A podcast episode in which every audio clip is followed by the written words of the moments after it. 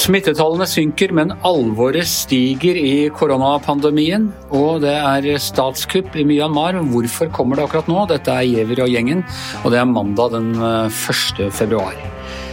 Eh, ja, først til deg, Astrid Mæland. Altså, det hersker en viss forvirring, for å si det mildt.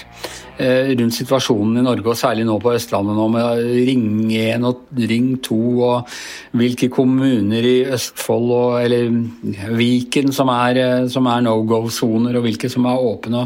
Hva, hva, er det egentlig som skjer? Hvor, hvor er det disse smittepølene nå ligger? Ja, Anders, det her er jo et nødrop fra oss innenfor ringen. Er det noen utenfor ringen som kan hjelpe oss, så ta kontakt. Vi trenger eh, kodeknekkere, vi trenger oversettere. Vi vet egentlig ikke hva slags regler som gjelder i ringen, og så vet vi ikke helt uh, hva slags ring vi er heller. Det har jo bare vært en sånn uh, utviklende saga. da. Det skulle vært en god nyhet i helga da regjeringa skulle lette på tiltak, tiltakene i Ring 1 og Ring 2 som er altså da ja, østlandsområdet. Halvannen million mennesker, 25 kommuner. Um, men så begynner de å flytte eh, kommuner inn og ut av ringen. Um, og det ble så ille uh, på søndag kveld i VG at uh, vi ringte myndighetene og prøvde å få hjelp for å finne ut hva som, hvilke kommuner som var i hvilken ring. Jeg tror egentlig ikke at myndighetene sjøl visste helt. Nei, Men som grovt sett, hva er disse ringene består av? Det er jo Oslo, Nordre Follo og Ås som egentlig var ring 1. Men så kom jo det mutant, uh, superspreder-mutantutbruddet på tampen av helga i um, Halden. Uh, og omkringliggende kommuner som gjorde det enda verre. Da ble det flere kommuner med i Ring 1.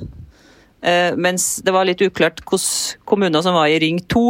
Og det er altså da slik at eh, de aller strengeste reglene er i Ring 1, eh, mediumstrenge regler i Ring 2. Og så har vi noe som heter nasjonale regler, som kanskje kan kalles Ring 3, da. Jeg vet ikke.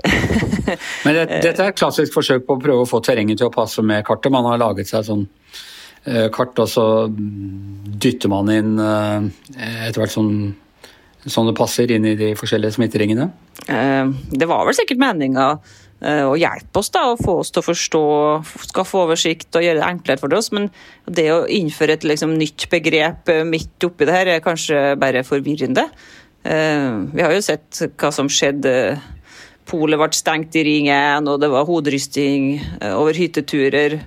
Og I Ring 2 holdt bandasjisten åpent. Eh, det gjorde han kanskje i Ring 1 forresten, men restauranten var jo åpen i Ring 2.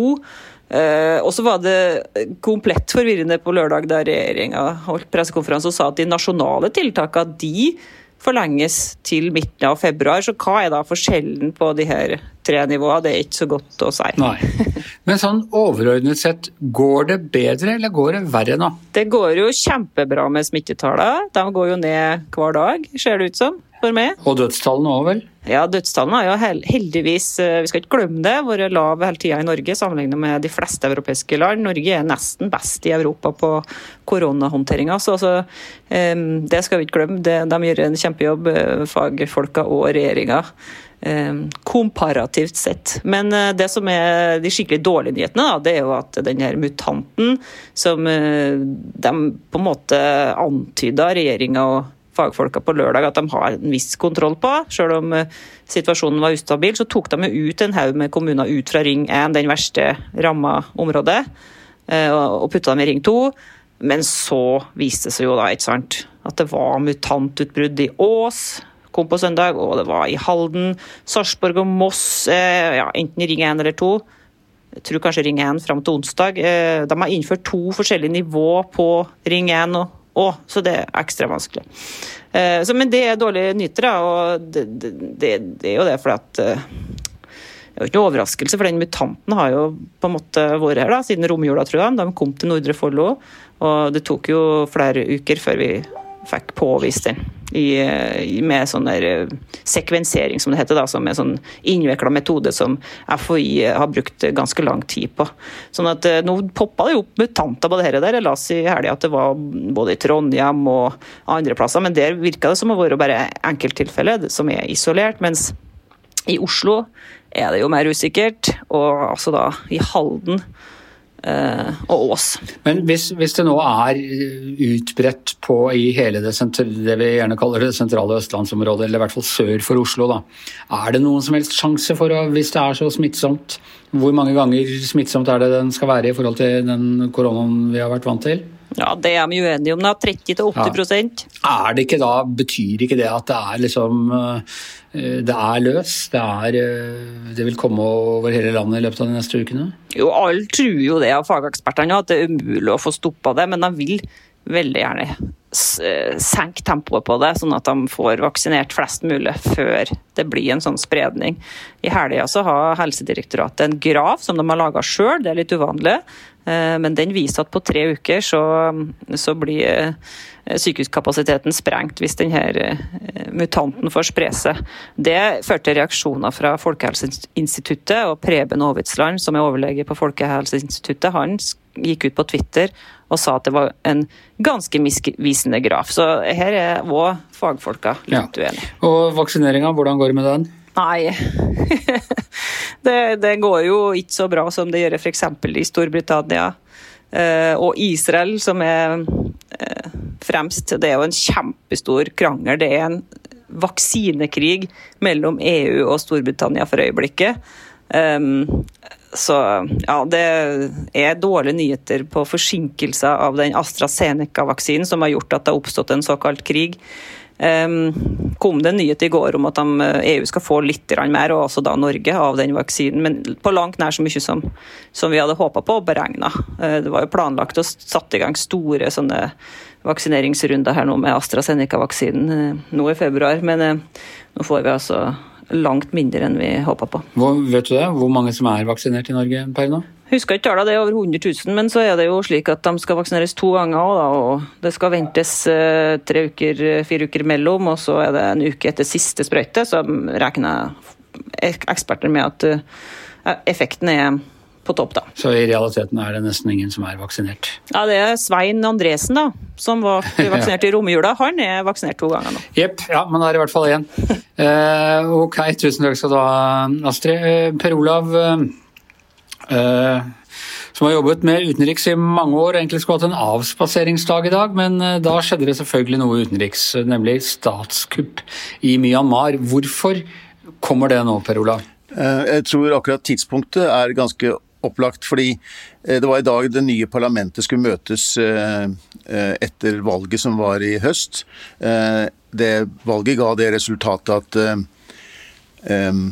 Aung San Suu Kyis parti, eh, Den nasjonale liga for demokrati, vant i et, lands, et valgskred enda en gang. De vinner hver gang de får at valget er åpent og demokratisk. Det var det de vant i 2015 også, eh, og de vant nå igjen.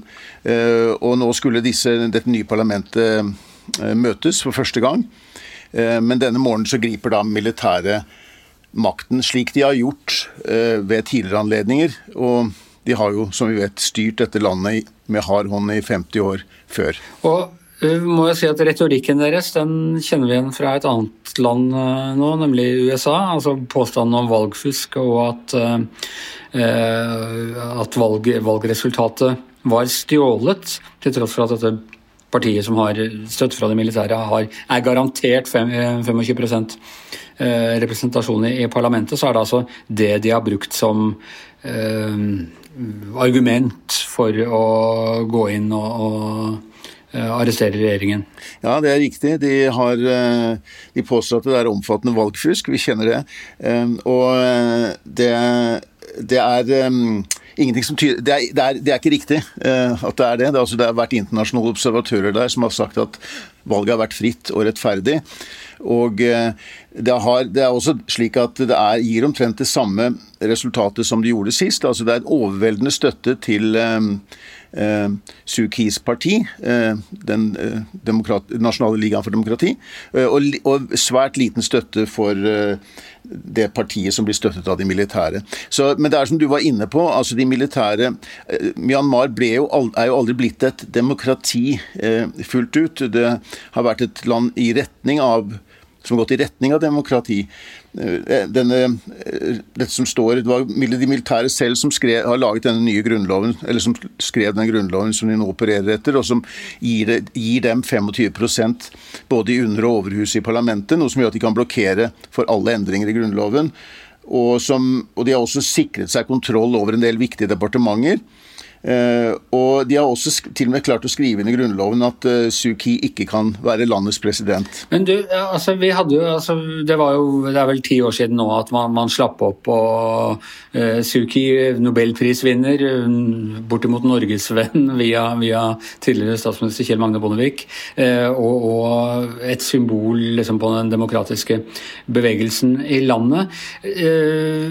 hun har jo de siste årene fått økende internasjonal kritikk for sin behandling av den rohingya-minoriteten. Eh, hva er det som Hva er ståa der mellom de militære og henne? Mener de at Altså Det har rett og slett vært beskyldninger om folkemord. Eh, hva er det, Hvor står hun her i, i, forhold til de militære? Ja, altså Det vakte jo veldig oppsikt eh, at hun eh, Hun stilte jo opp i den internasjonale domstolen i Haag og på en måte forsvarte de militære. Eller i hvert fall sa Hun avviste alle påstander om folkemord og etnisk rensing og sa at de ja, de militære hadde grepet inn, men det var fordi at politistasjonene politistasjoner var blitt angrepet osv., og, så videre, og så måtte de handle. og det Kanskje gikk det for langt, men det var liksom en, det var en komplisert og langvarig eh, forhistorie her. Som, og, så det, det, skuffet jo veldig. Hun ødela jo mye av sitt renommé, internasjonale renommé ved at hun en ting var at hun ikke grep inn, og det kan man jo si at kanskje hun hadde begrenset mulighet til. Og Dette var en militær operasjon mot, eh, som de, de, jaget nesten 800 000 mennesker over grensen til Bangladesh. De var voldsomme overgrep mot en minoritet. Eh, men en ting var å ikke gripe inn, det, det, kunne hun muligens ha begrenset mulighet til. Men at hun ikke da tok avstand fra det, det sjokkerte jo mange av hennes støttespillere i, i demokratiske land i Vesten. Eh, men i, hjemme i, i eh, Myanmar så er ikke dette det samme problemet. Det er eh, slik at hun er like populær, altså Valget bekreftet at hun er like populær blant um, uh, sine velgere. og vi skal huske I Myanmar så er 90 buddhister. Og eh, det er ikke noe godt forhold mellom buddhister og muslimer.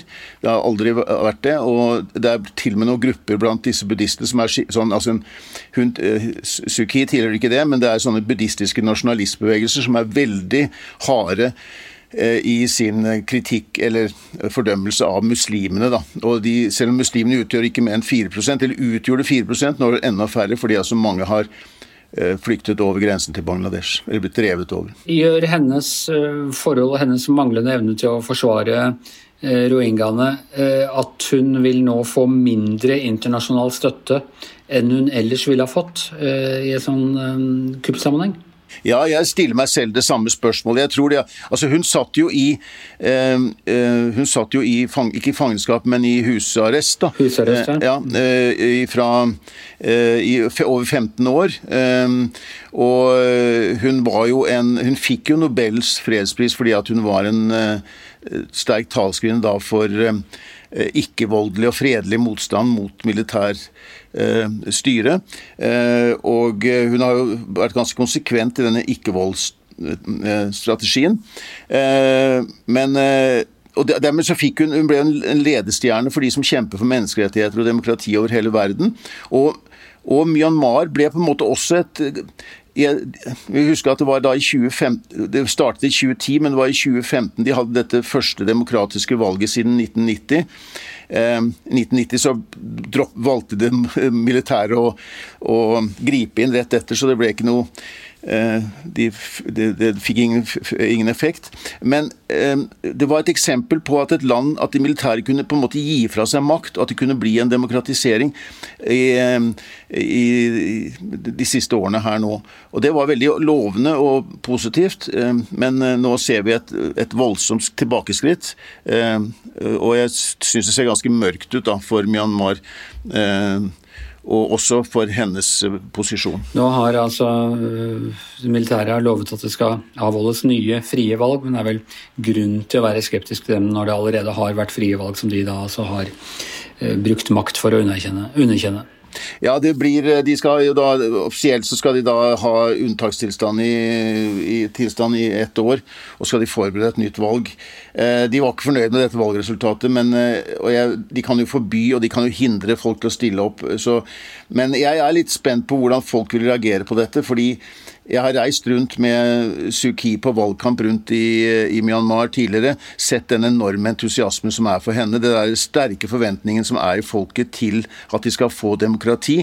Og, det, og hvor, hvor, svak stilling de militære egentlig har. Eh, så jeg eh, er veldig spent på hva som skjer nå framover. Eh, hvordan folk vil reagere på dette. Fordi jeg tror dette jeg tror det kan få mange ut i gatene på nytt, til nye demonstrasjoner eh, og markeringer mot, mot regimet. Ok, triste nyheter fra Myanmar. Eh, Gjevrøy-gjengen er over fra, for denne gangen. I hvert sitt hjemmestudio, Per Olav Ødegaard, Astrid Mæland. Jeg heter Anders Giæver, og vår produsent i eksil er som vanlig Magne Antonsen. Vi høres igjen i morgen.